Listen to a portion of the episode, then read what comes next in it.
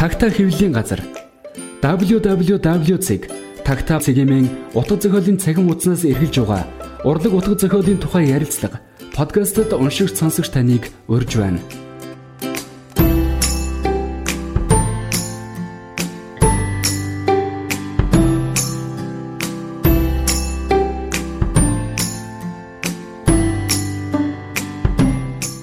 За сайн байцгаана уу эрхэм сонсогчдоо. Энэ удаа Хятадын зохиолч Юхагийн амьдрах үе арманы тухай нэр ярилцахаар тохироод байна. А манай Такта Publishing-ийн үүсгэн байгуулагч, яруу найрагч, орчуулагч, Баяс Салан гэгч маань аюуг 3 сарын хугацаатай утга зохиолын хөтөлбөрт явсан учраас подкаст маань түр хугацаанд завсарласан. А өнөөдөр бол бас подкастер, номын идэвхтэй уншигч, номын тэмдэглэл хөтэлдэг ариун санаа. А дээр нь амьдрах үе арманы орчуулагч Батбаяр Тэгээд Acta Publishing-ийн ерөнхий редактор Бэмбэм миний би ингээд бид гурав амьдрахын тухай хүүрнэлтгээр тохиролцоод байж байна. За үр хаагийн тухай өмнө зүгээр номоо бичиж байхдаа нэлээд жоохон бас үзэж судалж үзсэн л дээ. Өөрийнхөө номонд оруулдаг юм уу гэд. Тэгээд нэгдүгээрт нь Монголд төдийлөн танигдаагүй байсан. А хоёрдугаарт нь яг үе хааг оруулахад нэг тохирч болоогүй байна. Би хаа болоод Ян Лянка гэсэн хоёр хүнийг сонгож авчаад хоёулаа нөгөө улаан хувьсгал буюу соёлын хувьсгалын үед залуу наснд өнгөрсөн хүүхэд наснд өнгөрсөн тэгээд яг тэр үеийнхаа нөхцөл байдлыг иргэн харж бичдэг юм зохиолчдтой. Тэгээд илүү их дүрслэлтэй илүү хос үлшигтэй Ян Лянкан болов гэж бодоод сонгож оруулсан. Тэгээд одоо бол юухаг оруулах гэдэг жоохон хамсаж байгаа. А юухагийн бичлэг бол үнэхээр тийм одоо юу гэдэг жинхэнэ хүүрнэл уламжлалт хүүрнэл байгаа юм л да. Бидний нөгөө сонсдог эртээ үрдийн цагт эмгэн өвөө эргээ явдаг шиг маш сайхан хүүрэндэг. Тэгээд тэр хүүрнэл дундаа хүний айж амьдрал дөрүүдээ яаж амьдшүүлж босгож ирж байгаа гэдэг маш сонирхолтой юм байна. Тэгээд энэ нарийн этгээд дүрсэл гэх юм уу этгээд гэж хэлэхэд зараад л та их чадварлаг энэ дүрслүүдийг нь ихэнх олон хүн бас нөгөө шүдний байсантай нэг холбож тайлбарлалт юм лээ. Геттийн зүүн хойд нутагт баг хөдөө шуутарсан зохиолж байгаа шүү дээ тий өөрөө шүдний эмч мэрэгчлээ 5 жил шүдний эмч мэрэгчлээ хийж асан. Хүний дээр амандах шүдэнд шигдсэн бактери хорхоо юу гэдгийг тэрийг ингээд ухад өгж авдаг шиг хүний сэтгэлийг бас угаж дөнгөхөөр тийм сайхан төрслүүдийг гаргаж үзүүлдэг. Гэтэ нэг нэртэй утга зохиолын сургуульчин тэр сургуулийг төгсөөд тэгээд хот бараадаж Бээжинд бас хэсэг амьдрахаар шийдсэн билээ. Тэгээд ер нь идэж ундаашихгүй буцаад мот руугаа буцсан. Тэгээд яг тэр хөдөө тосгоныхоо хөдөө тосготын хүн зууны амьдрал хүний амьдралын эрх зүйлэмжийг илүү төлөхөө зохиолдоо тусгадаг ийм л зохиолч юм байна лээ. За одоо зохиолчийн тухай орчуулагч маань илүү хэлэх бах юм ярих бах тий. За тэгээ ном гарсан тухайд бол зохиолч руу мэдгдсэн захидал бичээд номныхан зургийг явуулсан. Хариу нэг үжирсэн байхаа за ингээд маш их баярлалаа. Тэгээд номны хавцны зураг бол үнэхээр кул байна шүү, гоё байна шүү гэсэн. Тэгээд өөр болохоор Бээжинд байгаа юм лээ. Тэгэл их л зав зайгүй байдаг бол одоо маргааш тийсэн тийшээ нисээд тэтэн сарын тэтэн тийшээ нисээд тэгээ бодож тэгж ирээ тэгэл хорлох хой дандаа уулзалтаа хэл завгүй явдаг зохиолч юм шиг. Угаасаа тэхээс ч үр байхгүй харахгүй алдартай зохиолч. Саяхан нэг судлаач ингээд э, нэг юм нийтлүүлсэн нийтлэл нийтлүүлсэн байна. Тэгээд тэн дээр юу гэж байгаа гэхээр манай хиттэй уран зохиол, бичгийн уран зохиолын хөгжөөд бол 5 6 мянган жил болчлоо. Гэтэл одоо ингээд олгодоод 100 жил болж байгаа Нобель гэдэг энэ шагналаас хиттэй маань ганцхан зохиолч 2010 10 онд одоо хиттэй нэр дээрээс авсан те. Ийм нэг зохиол, нэг л зохиолч Нобель шагнал авсан байна. Энэ бол үнэхээр тийм хангалттай үзүүлэлт юм аа. Манайх чинь юу 100 жилийн түүхтэй нэг шагналд ингэж хоологдох манайх ч юм бол хайв илүү олон жилийн түүхтэй бичиг уран зохиолын түүхтэй юм гэдэг. Тэгээд миний бодлоор бол нэг одоо дараачийн Нобелийн шагнал авч болох хид хідэн зохиолт байна гэдэг. Тэр шүүмжих 5 зохиолт нэрлсэний дотор энэ юу хааг бол нэрлсэн байсан. Тэгээд энэ зохиолч бол баруунд бол зохиолт төл дэлхийн 20 гаруй 20 хэдэн хэл дээр орчуулагдсан байдаг. Баруунд бол юм 90-ад оны сүүлчээс эхлээд бол орчуулагдаж танигдаж эхэлсэн юм лээ. Тэгээд Францаас нэг удаа зохиолын шагнал авсан. Гадаадын зохиолч болгодог шагнал авсан. А Италийн тэр хэвлийн газраас олгодог тэр шагналыг бол 1998 онд байна уу авсан баг. Тэр Италийн тэр шагнал ямар учиртай шагнал вэ гэхээр тэр залууийг ном зохиолд сонирхолтой болгох одоо уруу татах гэх юм. Тийм зорилгоор олгож эхлэе. Тэгээ дотроо их олон та. Дотоодын зохиолчтой олгодог тийм шагнал улсынхаа зохиолчд. Гадны орны зохиолчийг шагнадаг. Хоёр өөр юм шагнал олгодог юм лээ. Тэгээ тэр шагналын юм болохоор одоос манай энэ тагтаагаас бас ном бүтээлний гарсан энэ орхон памук бол тэр шагналыг бас хүртэж байсан. Тэгээд Оюуха гэдэг зохиолч 98 он тэр шагналыг хүртсэн гэж. Ер нь өөрөө бол мань нөхөр бол их тийм аливаа зүйлдэх шүүмжлэлттэй ханддаг ийм л хүн юм шиг байл л дээ. Тэгээд энэ улс төрийн нийтлэлүүд улс төрийн шүүмжүүд нь бол шүүмжүүд бас бичдэг ийм хүн тийм болоход тэр юм уу. Өгүүлбүүдийг ингээ уншиж яхад бол нийгэм энэ цаг үе цаг үеийг шүүмжлэлтэй ханддаг. Гэтэл яг өгүүлбүүд нь болохоор амьдрахуутай харьцуулах юм бол ийм реалист биш их тийм модернистик сэтгэлгээний маягтай ийм өгүүлбэрүүд ихтэй юм байна лээ. Гэтэ ингээд зөв уншсан хүрээнд ажиглаж яхад бол тийм харгас хэрцэг энэ магадгүй тэр хүмүүсийн ярихаар эмчийн гэрүүл төрсөн өөрөө бол эмч. Ийм учраас бол тэр хүнийг зовоог тарчлах өвдөх энэ зүйл бол гаргууд сайн мэддэг. Ядчил одоо нэг зохиолын дүрн ингээд өвчин туслах ямар өвчин тусвал энэ хүн илүү зовох уу гэдэг ч юм мэддэг тийм. Осолд орлоо хөлийг нь хугалах уу гарыг нь хугалах уу гэдэг айгүй сайн мэддэг ч. Тэр эмчийн мэрэгчлэг бас их хэрэг болдог шүү. Тэгээд нөгөөтгөр яг одоо яа харахгүй ингээд юм зохиол төрдөг. Нутгийн хилдээ ханжаа утвал тий хамгийн өмнө зүгийн худалдаа арилж байна аймаа тэр эдийн засгийг томоохон бүс тамрагдан тэрний дээрээс гадна заагасчлах болоод энэ тариалангийн соёл хэдтийн уугуул соёлын тийм улбаа болсон тийм хүн. Тэгээд мань зохиолчийн бол угаасаа арга барил нь бол тийм штэ харгас хэрцгий зохиолууд нь ийм зохиолч тэгээ тэргээрээ бүр алдарсан. Нөгөө талд болохоор одоо ер нь хиттэй нэг тийм хэсэг үлээ зохиолчд байна. Одоо өөрсдийнх нь улс үндэстний тийм муу муха талыг бичдэг. Одоо тэр нь эргээд гадныханд болохоор таалагддаг. Дотооддоо бол үзэх моён нэг ч юм уу дотооддоо бол ингээд хиттэйг буруу өнцгөө харуулж байгаа ч юм уу муухай талаас нь харуулж байгаа. Дурамчхан байдаг хүмүүс их биш. Гэтэл гадны нүдээр эргээд гадны өмшигчийн нүдээр эргээд ингээ уншин гут хүний мод дуртай болооч тэгдэг юм. Айгүй сонирхтой шүү. Тэгээд юухаа болохоор яг тэр маягийн зохиолч байхгүй. Яс шиг л миний улс ор миний ард түмэг тийм байхгүй. Ерөөс өмнгийг л бичдэг. Тэгээд их тийм хар ярианы хэлэр юм. Одоо энэ амьдрах бол яг тийм. Энэ зохиолыг уншаад ямар сэтгэл төрсөн, ямар санагдсан зохиолын дөрүүдийн тухай уншигчийн байр суугнаас чиний үгийг сонсгоо. Би нөгөө өөрөө редакторлаад уншсан болох тэр баригдмал байрнаас тайлбарлаж магадгүй. Дээр нь зүгээр яг уран зохиолын текст гэдэг утгаар нь хараад байгаа учраас бас тиймэрхүү байдлаас жоохон баригдмал байж чадахгүй. Зүгээр жирийн уншигч тэрийг зохиол гээд зохиол уншигчийн байр суугнаас уншсан уншигчийн хувьд чамар ямар ямар санагдсан бэ?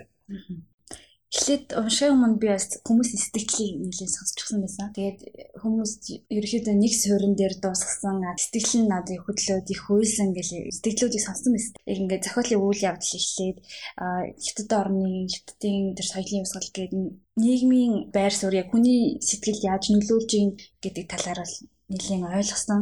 Дүр дүрсэл нь аюу гоё нүдэн дүрслэлтэй. Энгийн хэрнээ хүний сэтгэл рүү ингээд яг орч чадчихсан гол дүр бол шрифугу гэдэг үүний залуу насны амьдрал ингээд өрнөж агаад гэр бүлийнх нь түүний эхнэр тэгээ охин хүү гэд бүх дүрүүд нь тийм гоё хүндлэг гэх юм уу? Хүмүүжлтэй хөдөлмөрийн амтаар хүмүүжсэн ийм гоё дүрүүд исэн. Тэгээ туулж байгаа амьдрал нь бол нэлийн маш их сэтгэл хөдлөсөн нэлийн мухааруулсан тий надад бол маш таалагдсан. Тэгээ орчуулагч Батбаярын хувьд одоо энэ зохиолыг орчуулах гээд уншиж байгаа хувьцад эсвэл орчуулж байгаа хувьцад чамд ямар сэтгэл төрж байсан за орчуулгын үйл явцын талаар бас ярих байх гэж бодож байна. Зүгээр энэ зохиолыг уншаад надад төрсөн нэг хоёр л бодлого. Хамгийн ихний бодол юу вэ гэнгүүт бидний энэ амьдрал одоо бид нар ямар их тийм амар амгалан тийм нэг онц гойдонгүй тийм амьдрал туулж өнгөрүүлт юм бэ гэсэн бодол хамгийн түрүү орж ирсэн.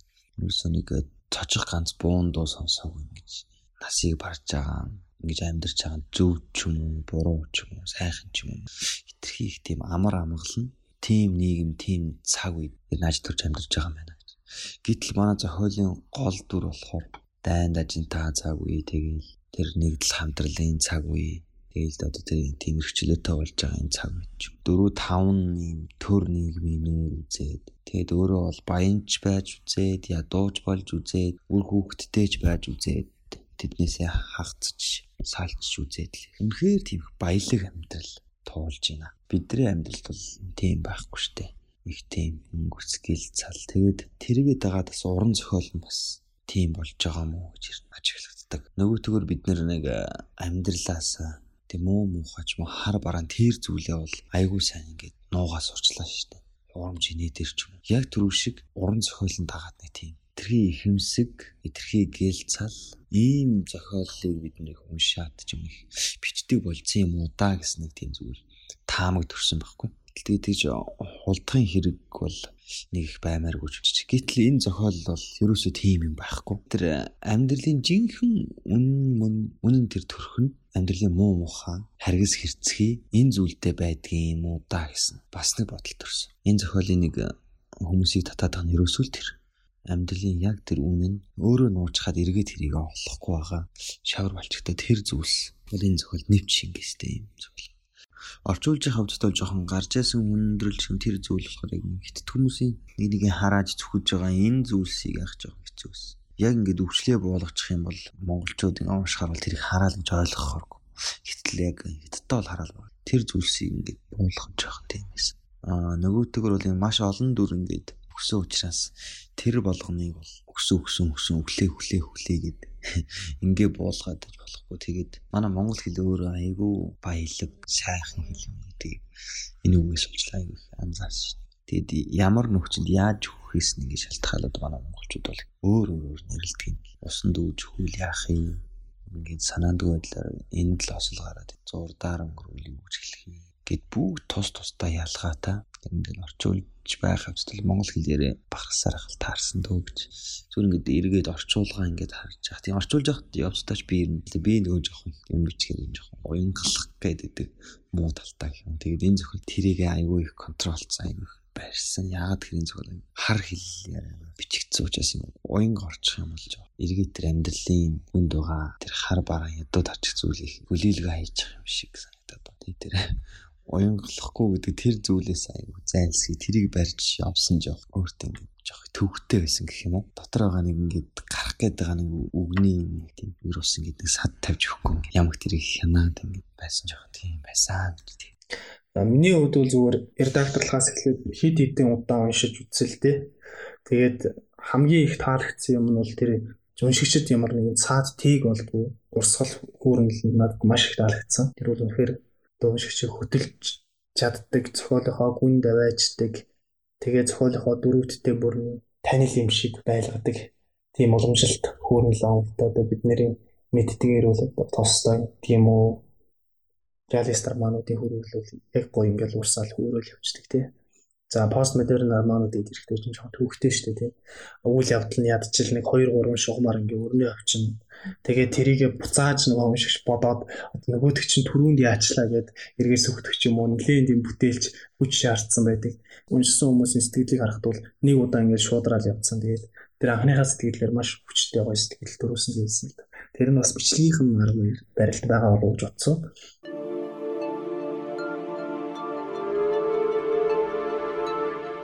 Зугаацах гэж, сургамж авах гэж, мундаг болох гэж бүү унш. Амьдрах гэж унш. Густав Флавер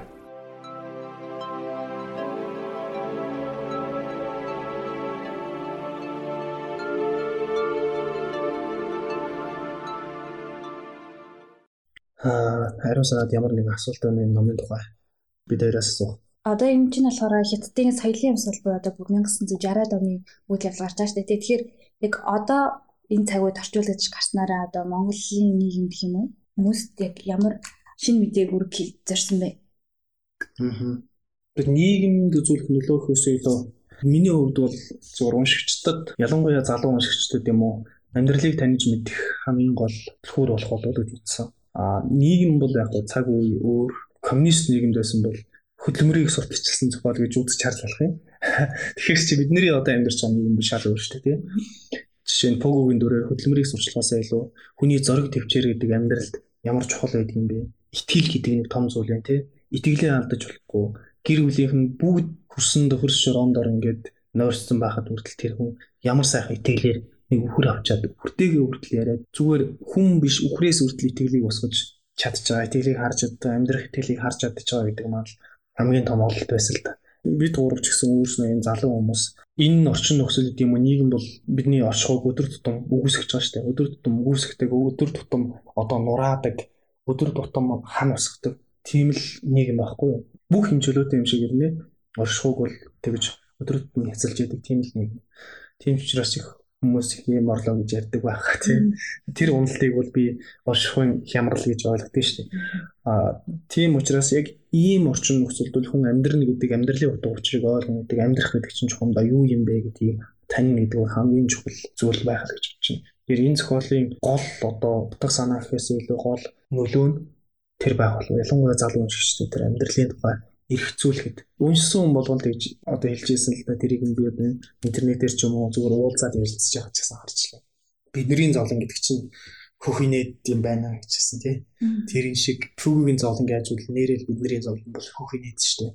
Тийм учраас амьдралынхаа тухай эргэж эргцүүлэх бэморч гэдэг юм уу гунж гутарч өнгөрүүлсэн цаг хугацааныхаа цог хугацаагаа эргэж харах тэр чиг энд юу ч биш байсан юм гээд цаашаа зөрөглөө талах тийм нөхцөл байдлыг энэ зөвхөн одоо маш сайхан үгийн уран яруугаар сэлж өгсөн болов уу гэж бодож байгаа. За чамд одоо зохиолын үйл явдал жишээ нь пүүгийн амьдрал зохиолын дөрүүдийн тухай ямар санагдсан? Тэр пүүгийн тэр зураг тавчээрийн тухай юм зохиол уншиж байхдаа чи ямар мэдрэмжийг авч ирсэн? Зохиолын үйл явдал руу хоёлоо жоохон уншиж та хөтлөхүүднээс сонсогчтой хөтлөхүүднээс үйл явдал руу жоохон орвол. Зохиолын гол дүр болох а пүгөө бол эхлээд ши овогтой мөр өв залгамжлсан хөрөнгөтэй айлын хүү яжгаад а ерөөсөө тэр амьдралынхаа үн цэнийг ерөөсөө ойшоодгоо тэгээд байгаа зүйлээ ингээл үрээл зөвхөн өөрийнхөө одоо 6 цэнгийн төлөө өдөр хоног өнгөрүүлдэг байсан. Одоо эд хөрөнгөө эмсийг хүрээлэнгийн газраар мөрөөдөө тоглооны газруудаар ингээд үрдэг. Тэгсээр нь ерөөсөө эхнэр хүүхдийнхаа талаар ерөөсөө ойшоодгоо. Эхнэр нь жааж бүсгүй хүлхэнд аа тэгээ дээрэс нь Финша гэдэг охинтой ингээ байж идэг. Тэгээд бүгөө нүнөх л зангаараа ингээл хамаг юмаа тавиал ингээл зугаацынхаа төлөө бас ингээд шундлынхаа төлөө мөрөдөө тоглоом тоглож байгаад Lunger гэдэг нутгийнхаа залууд хамгийн түрэнгээ алддаг. Шиа охтны хамгийн үлдсэн бүх хөрөнгөө алдаад одоо ингээд тариачаар болдог. Тэгээд бүх үе төгөнгөө алдаад аав ээж нь хүртэл бүгдээрээ гэр бүлээр орох хөрөнгө болж байгаа шүү дээ. Тийм. Тэгээд дээрэс нь олцлогдоод юм уу да ерөөсөө ингээ амьдрал нь ингээ дахиж хизээч тэр гэр бүлтэйгээ уулзахгүй юм шиг ингээд тэр хугацаанд л барыг тэр материалыг байдлын нэтрээс илүүтэй гэр бүл халуун дул авар амьсгал тийм хүн хүний гэсэн тэр нэг хайраа маш хөвгөлдөг тэр үеэс л фүүгүй хичээж эхэлдэг гэр бүлийнхаа төлөө гэр бүлийн халуун дулаан авар амьсгалынхаа төлөө хичээж эхэлдэг нь надад бол маш тийм сургамжтай санагдсан. Би нөгөө хамгийн анх уншиж байхдаа тэр Пюгг ерөөсөө тэгээд гэрээ алдаал хялбархан эргэлтүүд байдаг шүү дээ зохиолт тий. Нэг алдаа хийгээл нөгөө солонгос кинош ч юм уу нэг алдаа хийсэн өө гэл ухаараал газ тэрийгээ засаал дараагийнхаа амьдралын шат руу явдаг ч юм уу нэг тийм амархан маш хялбархан эргэлтүүд байдаг. За хашир ингээл хамаг өмч хөрөнгө алдсны дараа л ерөөсөө ухаараал амьдралынхаа төлөө тэмцэж эхлэх юм байна гэсэн. Тэр үйл явцыг үл зохиолж маш удаанаар маш алгуурханаар пүгийн уран дээр тавьж өрөөсөн нь надад гүн сэтгэл төрөөсөл тээ. Тэгээ дараагаар нь хадамтайгаа билүү уулзахаа яваад ямар ажиллаж явдаг хот ороод тий. Тэгээд тэндээс шууд э, цэрэг татлахтай тарангуудаа цэрэг шүү дээ. Тэгээд дайн тэнд хүний амир яаж өргөдөж байгаа хүн хайртай зүйлийнхэн төлөө яаж тэмцдэг их орныхоо төлөө яаж тэмцдэг өдрийн идэж уух хоол гэдэг ямар үн цэнтэй олддог яг нэтер дээрээ тулах төр тий тэр тухай маш олон юм үзэж туулж байгаа. Тэгээд хайртай бүхнээс хоол байна гэдэг бас ямар хэцүү гэдгийг ойлгож байгаа. Тэгээд тосгондоо эртэл ээж нь нас урчихсан. Уг нь ээжтэй эмч залхаар илүү яваад л гоминдоны айрамд баха цэрэг татагдаж яваад тэгээд сүулдэ гоминдоных нь айрам ялагдаад одоо бүгд найрамдах намын талд ороо бүгд найрамдах наманд сэргүүдээ нутагт нь буцаагаад ингээд хөвсгөлийн нэг хэсэг төрслөл явж байгаа тий. Тэгээд нутагтаа ярьдаг. Тэгээд нутагтаа ирээд одоо нэг хүн шиг амьдрий гэж хүүтэй болоод те ёо чи ингэдэг сайхан хүүтэй болоод ингэж амьдрч ял тэгээд бас л амьдралын нэг эргэлт охиноо айлд зарцлуулаад тэрнийхээ мөнгөөр ёо чи хүүгээ сургуульд сурах шаардлагатай болдог тий тэгээд ингээд дистрасс амьдралын маш хүнд даваанууд пүү хүлээж идэх шүү дээ. Зөвхөн энд амьдралын тухай энэ нөгөө юухагийн эргцүүлэл донд миний нэг санаанд орсон зүйл нь бол бас хятад зохиолч идэг өөрийнхөө улс үндэстнийхээ онцлогийг нэлийн сайн тусгаж өгсөн юм уу гэж бодсон л доо. Яагаад гэвэл хятад орн гэдэг бол маш олон хүмүүнтэй тэрнийхээ хэрээр амьдралын үзэл нь бол бас өөр гэж болохоор яагаад гэвэл 3 сая хүн амтай улс нэг амьдрах тэр амьдралынхаа утга учир тодорхой нэг өөр 1.7 тэрбум хүн амтай улс амьдралынхаа утга учирыг тодорхойлох бас нэг өөр юм болов гэж бодогдсон. 2 тэрбум шахуу хүн 2 тэрбум уу өөрсдийнхөө амьдралын утга учирыг өөрийнхөө онцлогтойгоор тодорхойлно гэдэг бол хэцүү байхгүй. Яг үндсэндээ зүгээр жирийн дээр тосгоны өдөө прогресс шиг юм бол амьд явах нь зүгээр л сайхан амьдрах нь элбэг хангалуун биш ч гэсэн өдөр тутамдаа юмар тутахгүй бүтэхгүй тэгж амьдрах нь амьдралын утга учир байж болно шүү дээ тэгээ. Тийм учраас улс үндэснийхаа дээр зовлон жаргалыг пүгэгийн дүрээр дамжуулаад нэлээд сайн дурссан юм болов гэж бас бодогдсон. Тий. За тэгээ гүнийг харуулсалтай үе нь бол тэр эхнэр нь яссан. Сэрх шиг тийм өвчин үрээд тэр бүхнээс эхлээл өөрийнх нь амьдралын утга учир баг угаар алдагдчих эхэлж байгаа шүү дээ тийм хамгийн түрүүнд хүүн нас орчтой байх тийм хүүн нас ороод л тэгэл эхэлдэг. Энэ гүнийг зовлонтой хэсгийн тухай. Энэ зохио дээр гарч байгаа дөрүүдийн а эндж байгаа юм уу тэр зүйлэн дандаа жам бусаа буруу явуулсан тэр нийгмийн үйл ажиллагаанаас болоод нэгж бүрдээ зайл гэрийн тэр хүн болгон амьнас нэрцэж байгаа гарч байгаа. Тэгээд хамгийн эхлээд бол баг хуу юу чинь өөд болдог. Тэр нөгөө сургуулийнх нь захирлын их нэр гэх юм уу? Захирал эмэгтэй. Багш захирал эмэгтэй төрөх болоо. Тэгээд төрхөөс болоо цусалтцсан тэгээд цус сэлбэг хэрэгтэй болоод.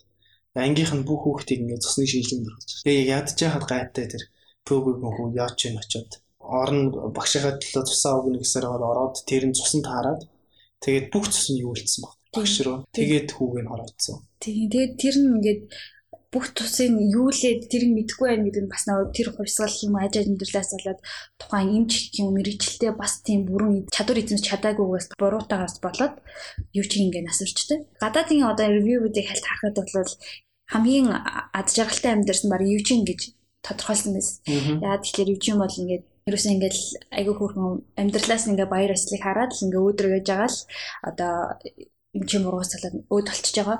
Аа үлдсэн хүмүүс нь дандаа нөгөө нэг хайртай дотны хүмүүсийнхаа тэр үгэл хацлыг ингээд мэдрээд харуулсалгүй нэгэ тээж авсаар байгаа ингээ өөд болж байгаа. Юу чим бол ингээ маш тийм ичтэй нөгөө багаас юм шиг юм байдаг шүү дээ. Тэгээ хэрвээ ихчийнхаа одоо тэр төрхийн дэглээс болоод өөд болж байгаа хэрэг мэдэрсэн байсан бол юучинд бол маш хэцүү байгаас амьдрал дээр ч хэрэг ингээд хэцүү байгаас гэж бас тийм сонирхолтой дүгнэлт харагдчихсэн. Хамгийн баг ингээд жаргалтаар тийм. Чи эргээд нэрээ эргээ бодоход тийм юм байна л да. Жишээ нэг хоёр хон дижээгээл тий. Нэг өхөр мөхөр дижээгээл хөрхий. Тэгээд бас сургуульд яваал. Тэгээд энэ дэр бас юу чи юу чи нэг э, гоё дүрслэл нь юу ээжийнхаа ойж өгсөн ширж өгсөн гутлыг урахгүйгээд ингээд гутлаа гартаа гарчаад сургууль руу дандаа хөл хөцгөн таваргаж өгдөг. Тэгээд нэг өдөр тэрийг нь аав нь харчаад пүгөө харчаад гутлаа өмсөө яваач гэсэн чинь гутлаа илээхгүй нөгөө хол газар дандаа гүйж сургуультай очдог. Тийм учраас хитгэн үгээл гутлынхын зулаг барагчдаг тийм гоё төрслөлтэй. Тэгээд буцаад нөгөө хоёр хоноо хоёр хононд өвс тавих гал хар бүхэр гүйж ирдэг учраас гутал нь барагчдаг. Тэгээд хөлийнхөө тавхаа бүр сайр болтол нь тэгэл гүйл хөцгөн гүйж байгаа тухай. Тийм нөгөө хүний сэтгэл имзэглүүлмээр сонин сайхан төрслүүд бас байсан л да. Өөр их тийм сэтгэл татмаар тийм гоё дүрлэлтэй тэр хүүхдийн дүрл. Яагаад ч орчуулж явахтаа бас ингээл үе бас ингээл нэг тийм дотор дүүрээ мэлс мэлс хийгээд л байсан. Тэгээд тэр манай нэг төрлийн хамаатны нэг хүүхдтэй айгу төстөө. Тэгэл үргэлжгүй гэж гүйж явж байгаа тийм хөдөлгөөнтэй хүүхд байсан. Тийм манай нэг таньдаг дүүт хамаатны дүүтэй адилхан байсан. Тийм учраас их буулгахад юм уу орчуулж яхад нүдэнд бол дүү харагдаад тэгээд тэр дүрийн үйл хөдлөл тэр үлийг орчуулаад тэр илүү тийм үнэмшилтэй их тийм байсан болгож тэгдэг хүмүүс тэр дүрд их хайртай дүр болж байна. Тэгээд тэрний чин дараа их чин хадам гараад тий гэлжиг толгойтой шигсэн гайгүй хүн таарсан шүү дээ тий. Иршигээд хүнтэй суугаад хотод бас ч нэг гайгүй амьдралтай тий. Ингээд суугаад төвхөнтөл их чин бие давхар болоод тэгээ бас төрхийн өндөр бас орж байгаа. Бас нөгөө нэг чадвар эзэмшилтэй кейс илүү нөө соёлын усгалд бас хөдөлмөр нь зарцуулагдсан эмчийн буруу усгалаад цус их алдаад нас орчтой шүү дээ Пөрхи пүгөө бол нөгөө хүргэн нэрши тэрний ач күүг нь хоёртойгоо үлдэж байгаа тий. Тэр гурав чинь бас хэсгийн зурж гэсэн бас л гай баз жаргалтай амьд гэж дахиад нөгөө нэг бараас өдөр мэрэглэж байгаа шүү дээ.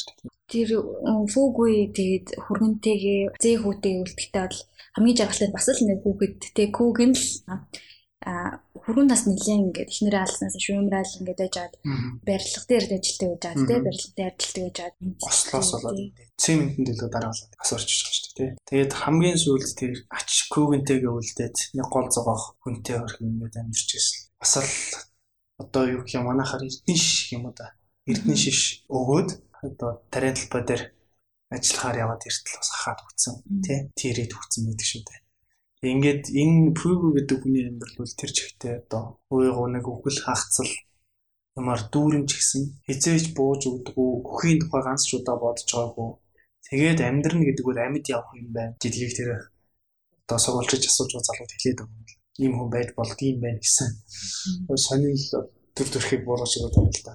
Тэгээд энэ зохиолыг уншиж байгаа зүг надад нэг бодогцсон юм нь бол тэр Пүгүгийн амьдрал ер нь амьдрах уу юм аа яг лодо домгоо нэг зохиолтой аягүй адилхан санагдсан л да. Уграагүй ноён мөрөө гэж зохиол өгдөг. Тэгээд өгүүлэмжийн гэсэн тэр нэг хүн их хэцүү гэрх амьдралыг тусад дорж баха. Дорж гээд хүнтэй уулзаад яриулж бодох. Тэр хүний амьдрал яаж сайн сайхан амьдрал нь яаж оронгороо иргээд одоо ингээ ганц хүн ярин гэж амьдарч чадах бай. Тэгвэл яг амьдрах уу зохиолтой маш тустай санагдсан. Тэгээд надад бол амьдрах уу гэж байгаа тэр уграагүй ноён мөрөө гэдэг лодо дом тэр туужил алхамтанда санаанд орчлоо. Энэ дээр одоо хүний амьдралын сайн мууг өөртгөргүй нэг янз бүрийн нэг харгалан сацуугаар түрүүний видеор ярьсан тэр соёлын ус бол хүний амьдралд төр оролцоод ирэх яад юм бэ гэдэг тухай нэлээд өгөөдөж баг багхан ч гэсэн оруулж өгсөн байгаа шүү дээ. Цацраа нэг их аштайхан болгоомжтойхон оруулж өгсөн байсан. Та хоёрт тэр зохиолын төгсгөл ямар санагдсан бэ? Надад бол нөгөө зүгээр тастаад унших юм бол хинээдтэй л гэдэг чинь нөгөө хідэн үхэртэй яриад ингээд өхрүүдээ дандаа өөрөө гэр бүлийн нөгөө өнгөрсөн өөрхий талигач гişүүдээр ингээд нэрлэлсэн тий. Эдэн мөхөртэйгээ яриа тариан талбай дээр өдрийг өнгөрүүлж байгаа тэр төрслөл бол зүгээр тастаад унших юм их нийтдээ хошинж байж болохоор тийм төрслөл. А зохиолын бүх бичвэртэй хамаатуулаад үзвэл маш хүнэгтэй хүүгийн дээр ганцаардлыг хамгийн их илэрхийлсэн хэсэг бол тэр хөртөө ярилцж байгаа хэсэг байгаа шүү дээ. Та хоёрт энэ хэсгийн тухай ямар санагдсан юм гэсэн юм шиг. Надад бол яг эхлээд яг тэр дүрслэл нь бол нөгөө үхрээ яг өөрийнхөө нэрээр нэрлсэн. Тэгэл нэг тийм хөвгчлээ өвөөч юм шиг амьдрал нь гараг байхдаа тэр дүрслэлтэй л харахгүй амир инээ түүжсэн бүр инээжсэн. Тэгээд төсгөлд нь яа харахгүй яагаад өөрийнхөө нэрээр нэрлсэн гэдэг нь баг ингээд ойлгомжтой болж ирээд сэтгэлтэй юу тийм сэтгэл аяг хөдөлж исэн. Тэгээд сүүлд нь одоо тэр нөгөө хүрнэгч залуу эхлээд тэр нутагтаа авч ягаад фүүгүүгээ төгшин өгөнтэй тааралдаад ингээм амьдралын яриулаад тэгээ сүүлд нь ингээд тийм ухаарл аваад үлдчихэж байгаа юм шиг надад санагцсан. Тэгээд яг ингээд орчин тойрноо харж дүрсэлж байгаа нэг тийм энгийн сайхан зүйл одоо байгалийн гадаад тэр энгийн байгаа байдлаа ч юм уу те гоо сайхнаар харж байгаа юм шиг яг тэгж мэдэрч эхлүүлж байгаа юм шиг надад сэтгэл төрүүлсэн. Тэгээд Бүгмийн нэг сүлт хилдэг нэг тийм зингийн гимээр нэг хоёр мөрт хилээд цаашаа алхацдаг. Яг тэр хэсгээр бол ингээ хүн амьдралынхаа эцэстээ бол ингээ баг нөгөө нэг гэгэрлийн төвш юм шиг ингээ зүгээр л байгаа байдалтай ингээ оршин буйдаа талархаад юм уу ингээ тийм гэгэр гэгэрсэн мэтэл баг тийм бас санагдсан. Тэр хоёр мөр чинь бас сонирхолтой тий. Надад бол тэр үхрийг нядлагаанаас олж авч байгаа шүү дээ. Яг нядлах гэж яхад нь зараад одоо мах болгоо зарах гэж яхад нь хашир хөр худалдаж авах нь авахаа явж байгааг хараад тэгээ худалдаж авдаг. Тэгээ амь хэлтрүүлдэг. Нэг амьтны амь хэлтрүүлдэг. Тэгээ тэрийг пүгөө гэж нэрлэлцдэг тий. Тэгээ тэр нь өөрхөө өөртөө насан туршдаа ингээд тариадалбай зүтгээд хөшөрцөн байгаа.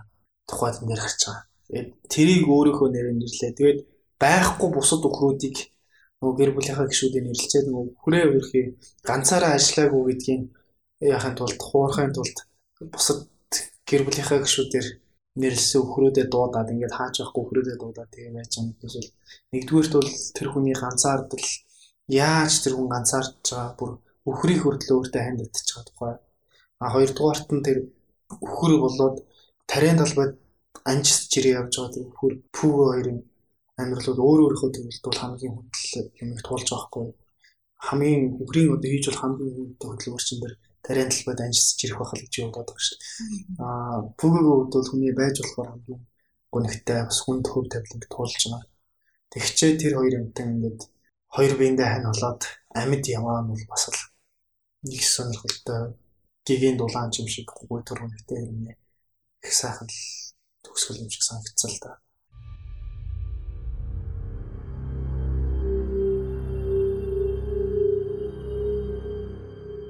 Би эцэст нь өөрийн шашнаа олсон билээ. Ном миний шашин, номын сан миний сүм хийд болсон.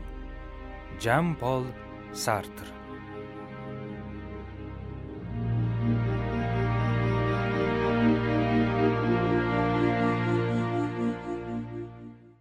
Хоёр тэр киног үзсэн үү?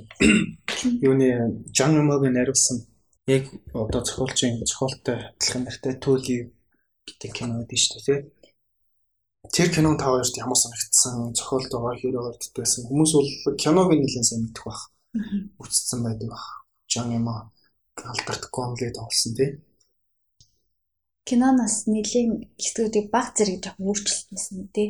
Чинь хүргэн хилгий толгойтой байсан бол тэн дээр бол хөлн давлан маягаар гарч ирсэн гэх мэт жижиг саж өөрчлөлтүүд байсан. Тэгээд ерөөдөө зохиолынхаа яг уур амьсгалтай л нэг уусаа айгуу тийм ойр байсан. Ялангуяа тэр хүүхдийн нөгөө гин цайлгын нэмсэл яг л миний хүүхдүүдийг дүрсэлжсэн нэг зөөлөн хартнаар бол жүжигчдэр бол яг тэр хүүхдүүд дээр бол яг харагдчихжсэн. Тэгээ би нөгөө зохиолын уншчаад дараа кино үзсэн болохоор зохиолын уншчаад кино үзчих юм басаа гэдэг юм дээрэг мэн гэж батгцсан.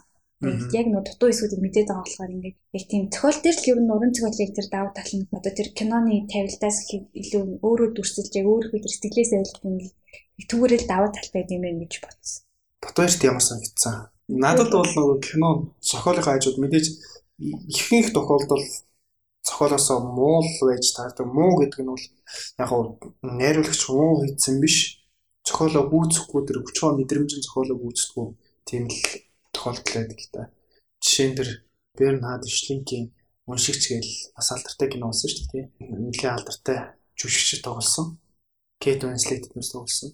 Гэтэл яг үнэндээ зохиолын уншингууд хамаагүй илэрдэг байхгүй тэр хүний сэтгэл доторх мэдрэмжүүдийг дүрээр нэг үзүүлэх өөр бичээд тэрийг дүрсэлж бичснийг унших нэг шал өөрлөг юм жилд. Тэгээд тэр одоо жишээ нь Жан Могийн кинон дээр бол төгсгөлийг чинь агүй аль ширгалаа төгсгөж байгаа байхгүй. Тэгж төгсгөлөө гээд яг тухайн нөхцөлд үзэгчээд ингээл сайхан тайвшраад төгсөх болохоос тэр бол өгчөө мэдрэмжийн хувьд бол зохиолоо гүйцэх зохиолоо төгсгөлийг хаач хүрэхэргүй л байна. Зүгээр яг найруулагч өөрийнх нь шийдлэл авах л та.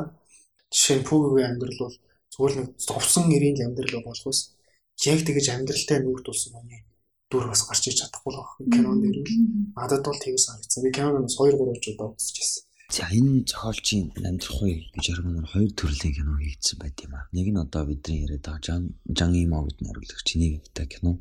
Аа нөгөөх нь болохоор өөр нэг найруулагчийн Жан Хигтай нэг кино байна. Тэр кино. Хүмүүс болохоор нэг ангитай кино хийх үзсэн байлаа. Тэгээд зохиолосоо нэлээгүй гэдэг. Аа 30 та тэр кино бол яг зохиолынхоо дагуу яг яамны явсан тийм л кино байна лээ би. Энэ намар ирчээд орой болох үтсээр ах үд дуусгасан. Аа зүгээр дорны зохиол, дорны одоо хятад хүн бичсэн өөрсдөө ч бас хамаатуулаад дорны зохиолж, дорны соёл иргэншлийн тухай бичсэн тэгээд үзэх юм бол Монгол амьдралтай ч гэсэн нэлээд ойрхон төтөө авч үзэж болмоор санагдсан жишээ нь эмэгтэйчүүдийнх нь амьдрал гэдэг чинь шинж яаж яах гэвэл залуудаал дөнгөж суусныхаа дараах л мөрөдөө тоглоом эмси хүрээлэн гисэн явчихсан тэр нөхрийг бол харуулдаал хүлээгээл гуугаал учирлал тий. Тэгээ тэрийг насан туршдаа төвчиж амьдрал тэрч бүхэл хөрхийг өөрсдийнхөө төлөө дундаас турсан хүүхдийнхээ хүүхдүүдийнхэн төлөө насан туршдаа тэгэл өөрийнхөө бүр биеийг дуустал нь ингэж төвчиж амьдарч байгаа. Тэр хэн байна? Фэнша гэхэд л тэрний хүнтэй суугаал хөрхийг бас л амьдралын утга учирыг олохгүй л тэмцэж байгаа. Тэгээд үр хөвгтөд төрүүлээд тэр хүндрэлээс ороо нас өрчиж байгаа ч гэдэг юм ингээд тийм доторх эмгтээчүүдийн дүр. Дээр нь Хьюгогийн одоо цохолын нунаас хойш гарч байгаа тэр дүр амьдралын төлөө бүх юм тавиад ингээд зүтгэж байгаа. Тэгээд хүн гаднаас нь харахад утгагүй чимэр тэр амьдралаас өөр утга учир олохгүй ч хичээж байгаа. Манайхны зүгээр хөдөө байгаа малчтын амьдрал ч гэсэн юм Тийм шүү дээ. Хин л уулын мухарс гэхэл хэдэн мал маллаад ингээ насан туршдаа тэгэхээр тэнд ч гэсэн тэр амьдрал донд ч гэсэн утга учир байгаа л байхгүй. Утга учирыг тэнд бас бүтээдэг. Тэрнээс хотод сууж байгаа миний тийм зүгээс харах юм бол тэр утга учиргүй юм байна байхгүй. Тэр талаас нь бодож үзэх юм бол нэг бидний иргэн тойронд ч гэсэн програмууд байж л байгаа шүү дээ. Нэлээр дүүрээр ингээл бидний өчигдөр шийдсэн тамхины иш чихрийн цаасыг сэвэрлэх гээд үүрээр гараа авч байгаа тэр хүний цааш гэсэн ямар нэгэн амьдрал байж байгаа. Тэр ямар нэгэн зүйл нь тэмцэж л байгаа шүү дээ. Тэр тэмцэл нь өөрөө утга учирыг авчирдаг юм уу гэсэн ер нь зүгээр фюго бол грекийн намаг зүуд төрслөгдөг нэг бурхтын дүр шиг л тийм амьдралын төлөөх тэмцлийн тийм символ дүр юм шиг надад санагдсал да. За хүмүүс бол ярьж байгаа нь бол ингээл амнаас чухал амьдрах чухал амьдралын гол утга учир бол ер нь амьдрах юм. Тэгээд бидний гол биднийг одоо ингээд оршоож ингэж буу болгож байж байгаа зүйл чинь мэдээж бидний амнаас тэгээд энийг л хайрлах юм чухал юм байна гэсэн нэг ойлголт авлаа. Нөгөө талаар ингээ харах юм бол ерөөсөө хитт хүмүүсийн бодол бол тийм юм шиг байна амьдралах бодолтой тэр бол ядуу тариачин байсан ч хамаагүй ганц хүүхэдтэй байсан тэр нь одоо ингээ тусдаа гараад алга гань ганцаар байсан ч хамаагүй ингээ амьдрж л байх тийм хүсэлттэй хүмүүс юм шиг байна. Энэ зөвхөн тэр хойлын гол дүрийн маань тэр философи ширүүсөө хятад хүмүүс даяар энэ үндэстний бол үндэстнийх нь хүсэл ерөөсөл амьдрал байх. Би бол уншигчдад хэлэхтэй бол зүгээр аа өөрт золон тохиолж байгаа юм шиг үе үеийн болгондоо пюг бодож байгаарай л гэж хэлхийг хүсэж байгаа юм л та. Хүнд бол тийм чадвар байдаг. Өөрснөө тэр чадвартай чаддгүй учраас л ямар нэгэн зүйлийн өмнө амархаа сөхөрчдөг юм болов гэж бодсон шүү дээ. Уншаад дуусныхаа дараа. Тэгээ бас яг өөрийнхөө амьд байгаа үнцэндээс аяг талархах юм билээ.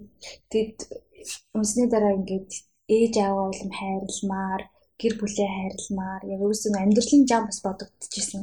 Хизээ нэгэн цагт ингээд одоо хацад цалах өдрийг нэр хүртэл ингээд яг дэргэд байгаа дээрээс хайрлах хэрэгтэй юм. Тэрнээс гадна бид нарыг ингээд эрүүл саруул байхад хүртэл ингээд хариуцлагатай ажилласан инженер гэдэг ч юм уу те. Баг ингээд өвөл мөстцэн замыг ингээд цэвэрлэн цэвэрлэгч нар хүртэл бидний аймнаас ингээд баг амьсны төлөө хөдөлмөрлөдөм байх гэдгийг бас хөдөлмөрийн үнцэг юмсан аюу сайн ойлгосон. Цагаалсан. Тэн дээр ч гэсэн орчин шүү дээ. Чи бол энэ хүнд хүнд заяасан энэ ам гэдэг зүйлийг бол зүгээр нэг үрчиж болохгүй тий. Юу гэдгийг одоо зөндөөл болон баримт байх л да. Жишээ нь манай хадад амиа бол амиа хотлох үзэгдэл газар авлаа. Тэгээд улам залууч жишээл хийдэг юм уу? Нийгмийн зүгээс өгч хямралаас болсон гэдэг нэг тийм ерөнхий дүгнэлт гаргаад байна. Тэгээ пюго бол бүхэн гэдэг тухай ганц ч удаа бодож байгаа бүр өөрийнх нь бүх хайртай хүмүүс чад хамгийн сүүл дээр ачуугээ хүртэл авч болж чадчих жоох та. Амьдрах л хэрэгтэй гэж хэлж байгаа шүү дээ авшир бол. Тэгэхээр амьдрал гэдэг чинь амьд байх үнцэнд дээр нь чи үхий гэж байвал амийн чинь хайрлсан аав ээж хоёроос хосож асуу.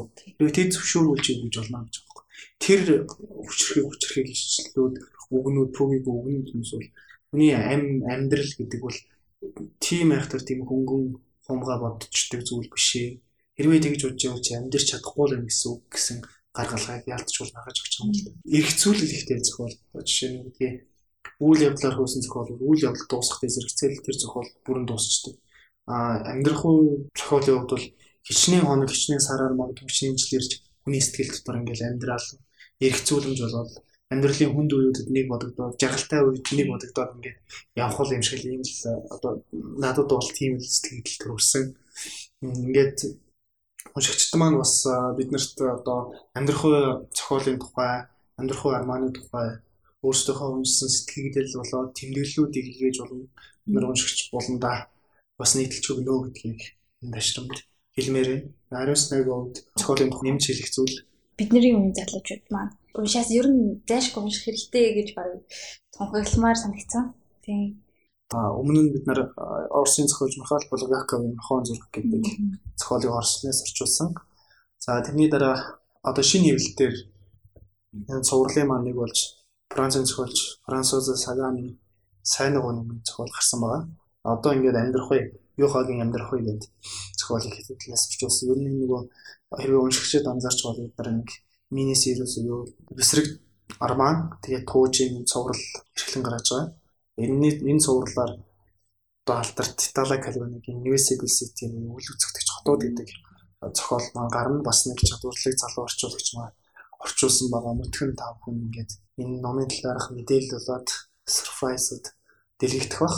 Тэрний дараагаар бид нар Чехэн зохиолч Бухумел Храбал Чех бол уран зохиолын нэлээ одуудтай шүү дээ. Одоо бидний санд Франц Кафка гэж Милан Кундера Чехас зарим нь дөрөвд гарцсан зарим нь Чехта төрөвжсэн. За Бухумел Храбал бол ерөнхийдөө Чехта амьдарч бүтээж төрөвжсэн тийм хүн. Храбалын төтлөн үзэгдэх галт тэрэг гэдгийг заримдаа бас ойр ойроор одоо шитэн өнгөрөх галт тэрэг гэж хурцуулсан байдаг. Closed Watch Train гэж. Тэр зохиолыг туужийг бас монгол руу орчуулж уншиж дүрх гээд одоо тун тухгүй болчиход байгаа. Тэгэхээр энэ үйл намартаа бол бид нэр мини сервис буюу шин цувралаараа нэлээд олон зохиолчдыг таахан танилцуулах байхаа гэж бодож байгаа. Тэр болгон дээр бас уншигчд маань өөрсдөө санал сэтгэлийг ирүүлээрээ уншаад төрсэн сэтгэлээ буулгаад бид нартэй хуваалцаарай. Бид нар тагтаа цагийн мессеж дээр дамжуулаад та бүхний бичвэрийг бусад уншигчдад хүргэж өгөх болно. Тэгээд дараагийн шин ном хахаар бас арай санаа битээр болоод манай Хитагийн подкаст үргэлжлэн та бүхэнд өрөх болно гэж амлая. За хамт байсанд баярлалаа.